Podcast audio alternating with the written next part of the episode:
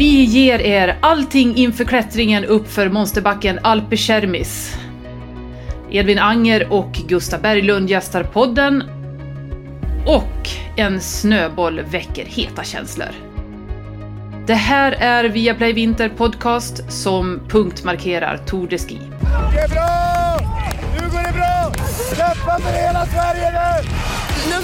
Var inte med. Den hade jag glömt. Nej, idag var det riktiga skidor faktiskt. Alltså, vad gör jag? Det är jättebra! Kom igen nu! Jag ska fan dö över den där jävla mållinjen. Den näst sista etappen av Tour de Ski har avgjorts och eh, jag och Anna-Karin står i kräksnön i målfållan här i Val di Fiemme och eh, spejar lite på de svenska herråkarna som pustar ut efter ett riktigt grisigt lopp. Edvin Anger kommer förbi här. Vad blev du då? Ja, näst sist kanske. Jag vet långt bak i alla fall. Men, nej, det, var, det var tufft. Då. Eller ja, jag tog, jag tog mina poäng och sen ramlade jag bak lite och sen eh, tänkte jag att det här blir jobbigt. Hur var det att tävla i de här förhållandena? nej, det var, det var riktigt eh, tungt. Alltså, det, var tungt. Det var ja, bra bett ändå, men det gick ju vansinnigt tungt överallt. Eh, så stakningen var inte lätt och det var ganska dåligt stavfäste. Och, men eh, nej, det är utmanande. Du var ju offensiv i starten och jag räknar med att det var alltså din taktik att ta de där poängen. Ja, alltså eh, jag har ju ingenting med totalen att göra, men jag är med i sprinten så att, eh, det var ju bara att gå för det. Och, nu tror jag ligger trea och tätt upp till tvåan och ja, även Chanava går att slå, men det beror på hur han åker imorgon då, på poängen. Så att, det var ju planen och jag lyckades med det och sen, ja, Har du koll på hur många ställen det är imorgon som du kan plocka poäng? Ja, det är väl två ställen tror jag. Så det är här på samma ställe och sen är det ja, typ en och en halv minut upp i backen eller någonting. Så att eh, det blir... Min mållinje blir en och en halv minut upp i backen, sen ska jag gå upp.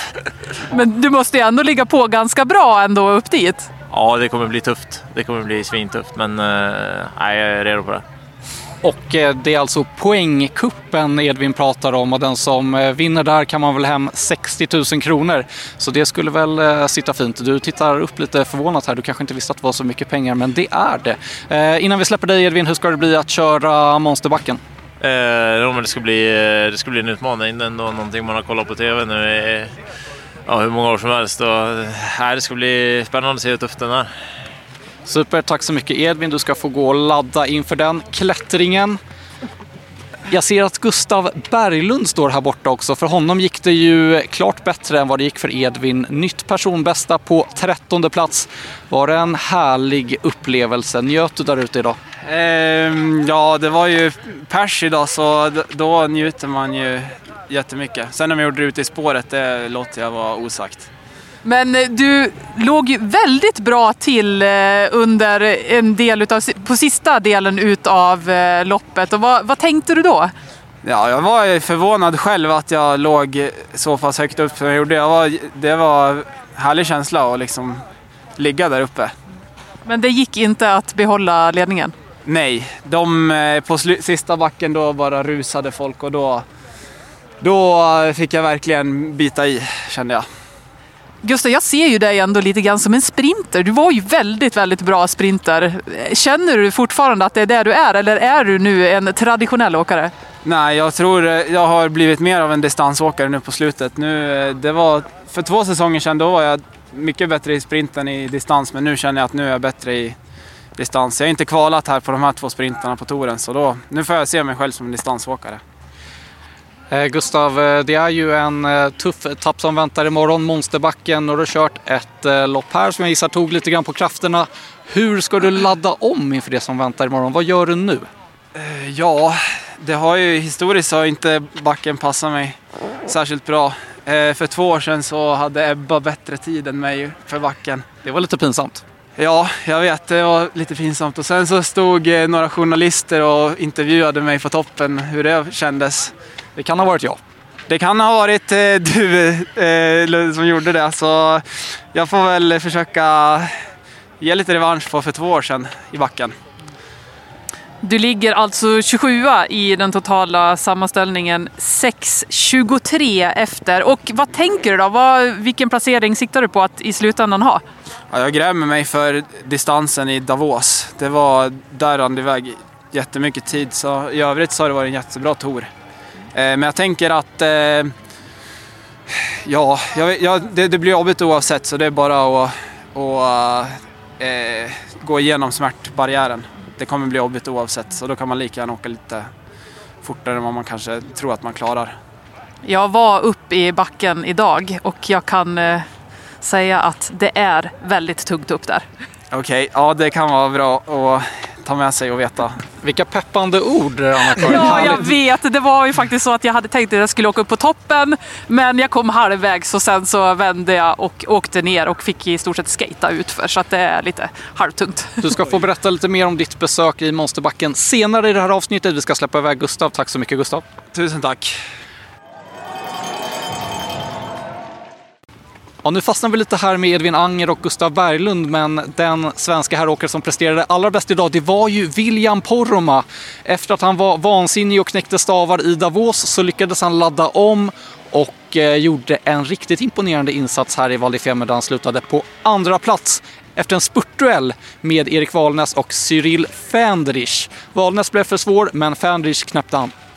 Det var väldigt, väldigt kul att se eh, Ville på slutet och det var nästan så att jag inte riktigt hängde med där när jag satt och kommenterade för att det här loppet idag, det var ju eh, jag vet inte om man ska säga att det var kaos, men det är det ju... Var kaos. Ja, det var kaos. Och det var svårt att göra någonting. Och sen helt plötsligt så sticker tre åkare iväg och jag var inte helt beredd på det. Och eh, han är ju snabb ändå i spurten idag, får jag lov att säga, William Poromaa. Så det var ju jättekul att se. Han var ju jätteglad efter loppet också.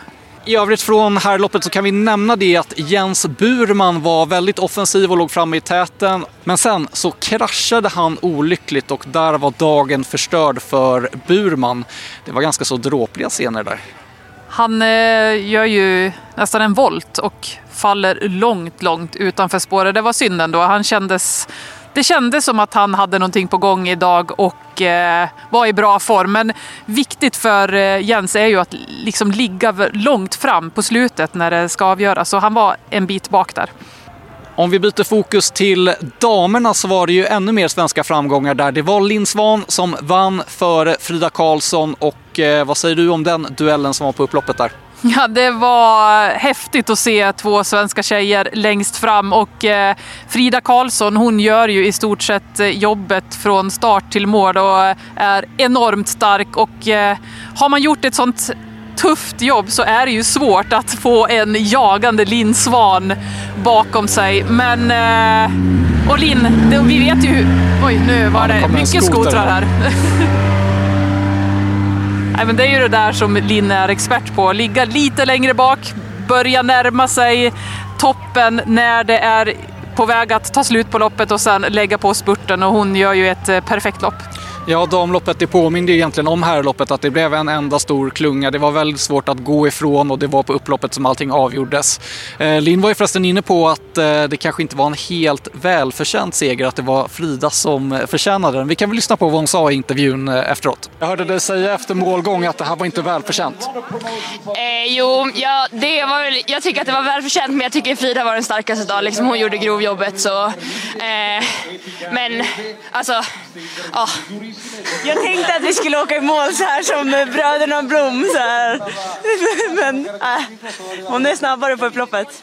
Ja, kul att höra och eh, dagens lopp gör att eh, totalställningen inför den sista avgörande etappen ser ut som följer. Jesse Diggins leder 43 sekunder före tvåan Jonna Sundling. Frida Karlsson är trea, 44 sekunder efter. Sen är Kartuniskanen 49 sekunder efter och Linn Svan är 58 sekunder efter. Är det någon annan vi borde nämna i resultatlistan där?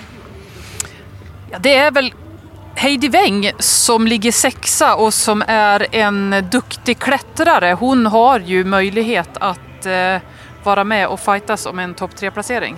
Mm. Vi kan väl gå igenom eh, totalställningen på herrsidan också där det är Harald Östberg Amundsen som leder och det är en rejäl ledning. Han är 1 minut och 34 sekunder före tvåan Erik Valnäs. Och eh, sen så scrollar vi ner lite i listan för att hitta bästa svensk och det är Jens Burman. Han är 2 minuter och 49 sekunder efter. Är det avgjort?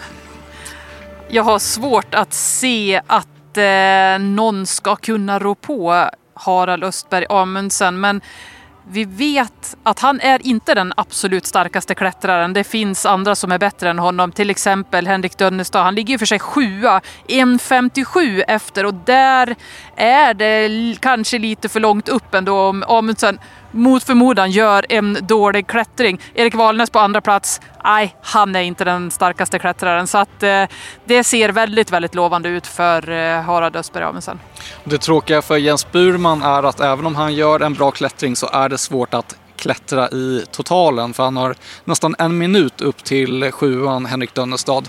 Så eh, för svensk del så är det nog dam tävlingen som är den mest intressanta i morgon. Ja, det är det. Och eh, är det så att Diggins inte har sin bästa dag, att hon, eh, ja, hon är ju ändå en stark klättrare, men om hon inte får till det imorgon och Frida är så här stark som hon var igår, alltså hon är inte jättelångt efter ändå. Det finns absolut möjlighet att eh, knapra in och varför inte? Kanske ta en seger även i år.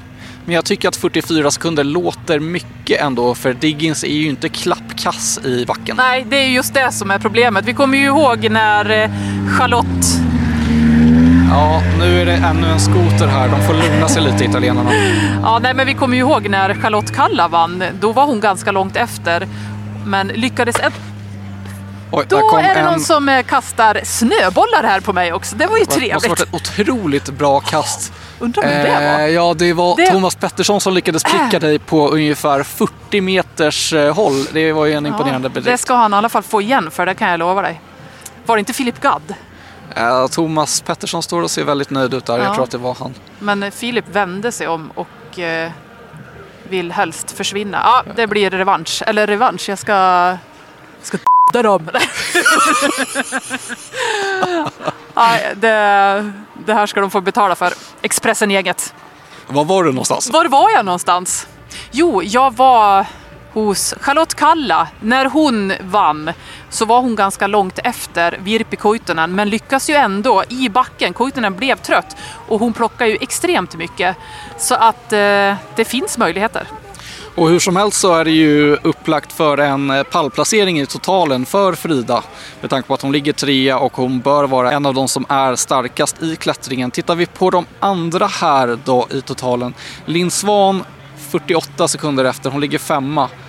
Skulle hon kunna ta sig upp på pallen eller blir det för tufft? Nej, hon skulle kunna göra det för hon har ju klättrat upp där tidigare och då har hon inte haft någonting att köra för. Men nu har hon pallen inom räckhåll så att eh, jag tror absolut att eh, Linn Svan kan vara med och slåss om pallplaceringar.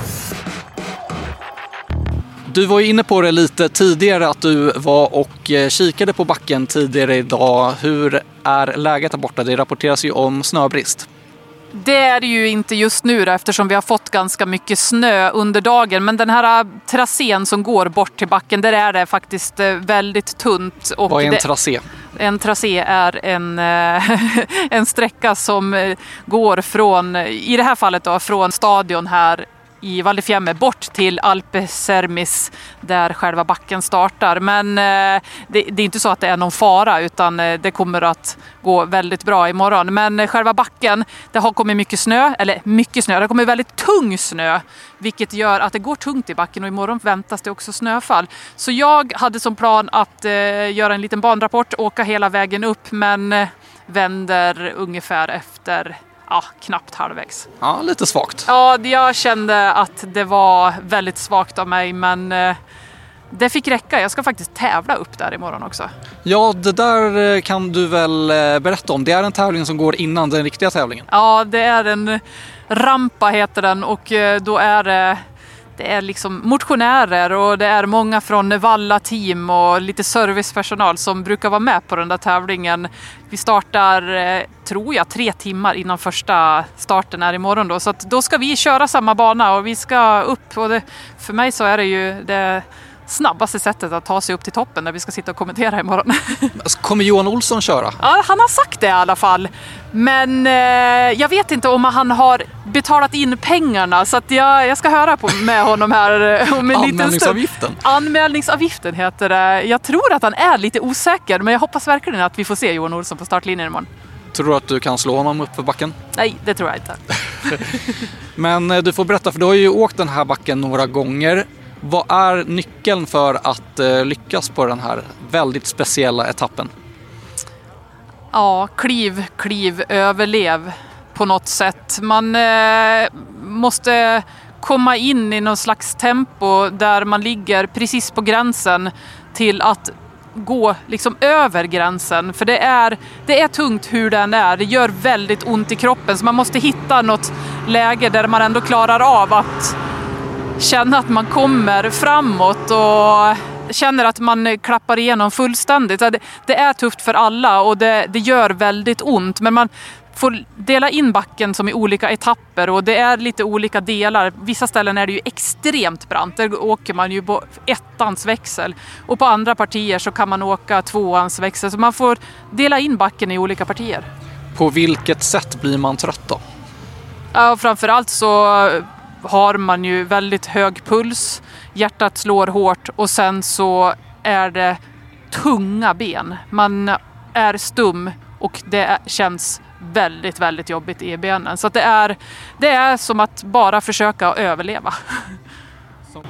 Ja, jag är glad att eh, jag inte ska åka upp för den där backen imorgon i alla fall. Jag tar gondolen upp. Eh, medan vi har stått här och pratat nu så har faktiskt hela området eh, tömts på folk. Det är bara en enda skidåkare kvar och det är William Poromaa. Han fick göra många intervjuer idag. Ja, han eh, har fått gjort och gör ju fortfarande många intervjuer. Får se om han eh, kommer ut därifrån mixade zonen någon gång. Det stod i alla fall en champagneflaska här som eh, jag räknar med att han eller någon annan kommer att få smaka på lite senare. Ja, jag tror att det var Williams champagneflaska. Den stod bredvid hans eh, väska i alla fall. Den tycker han kanske kan unna sig efter att han är klar med klättringen imorgon.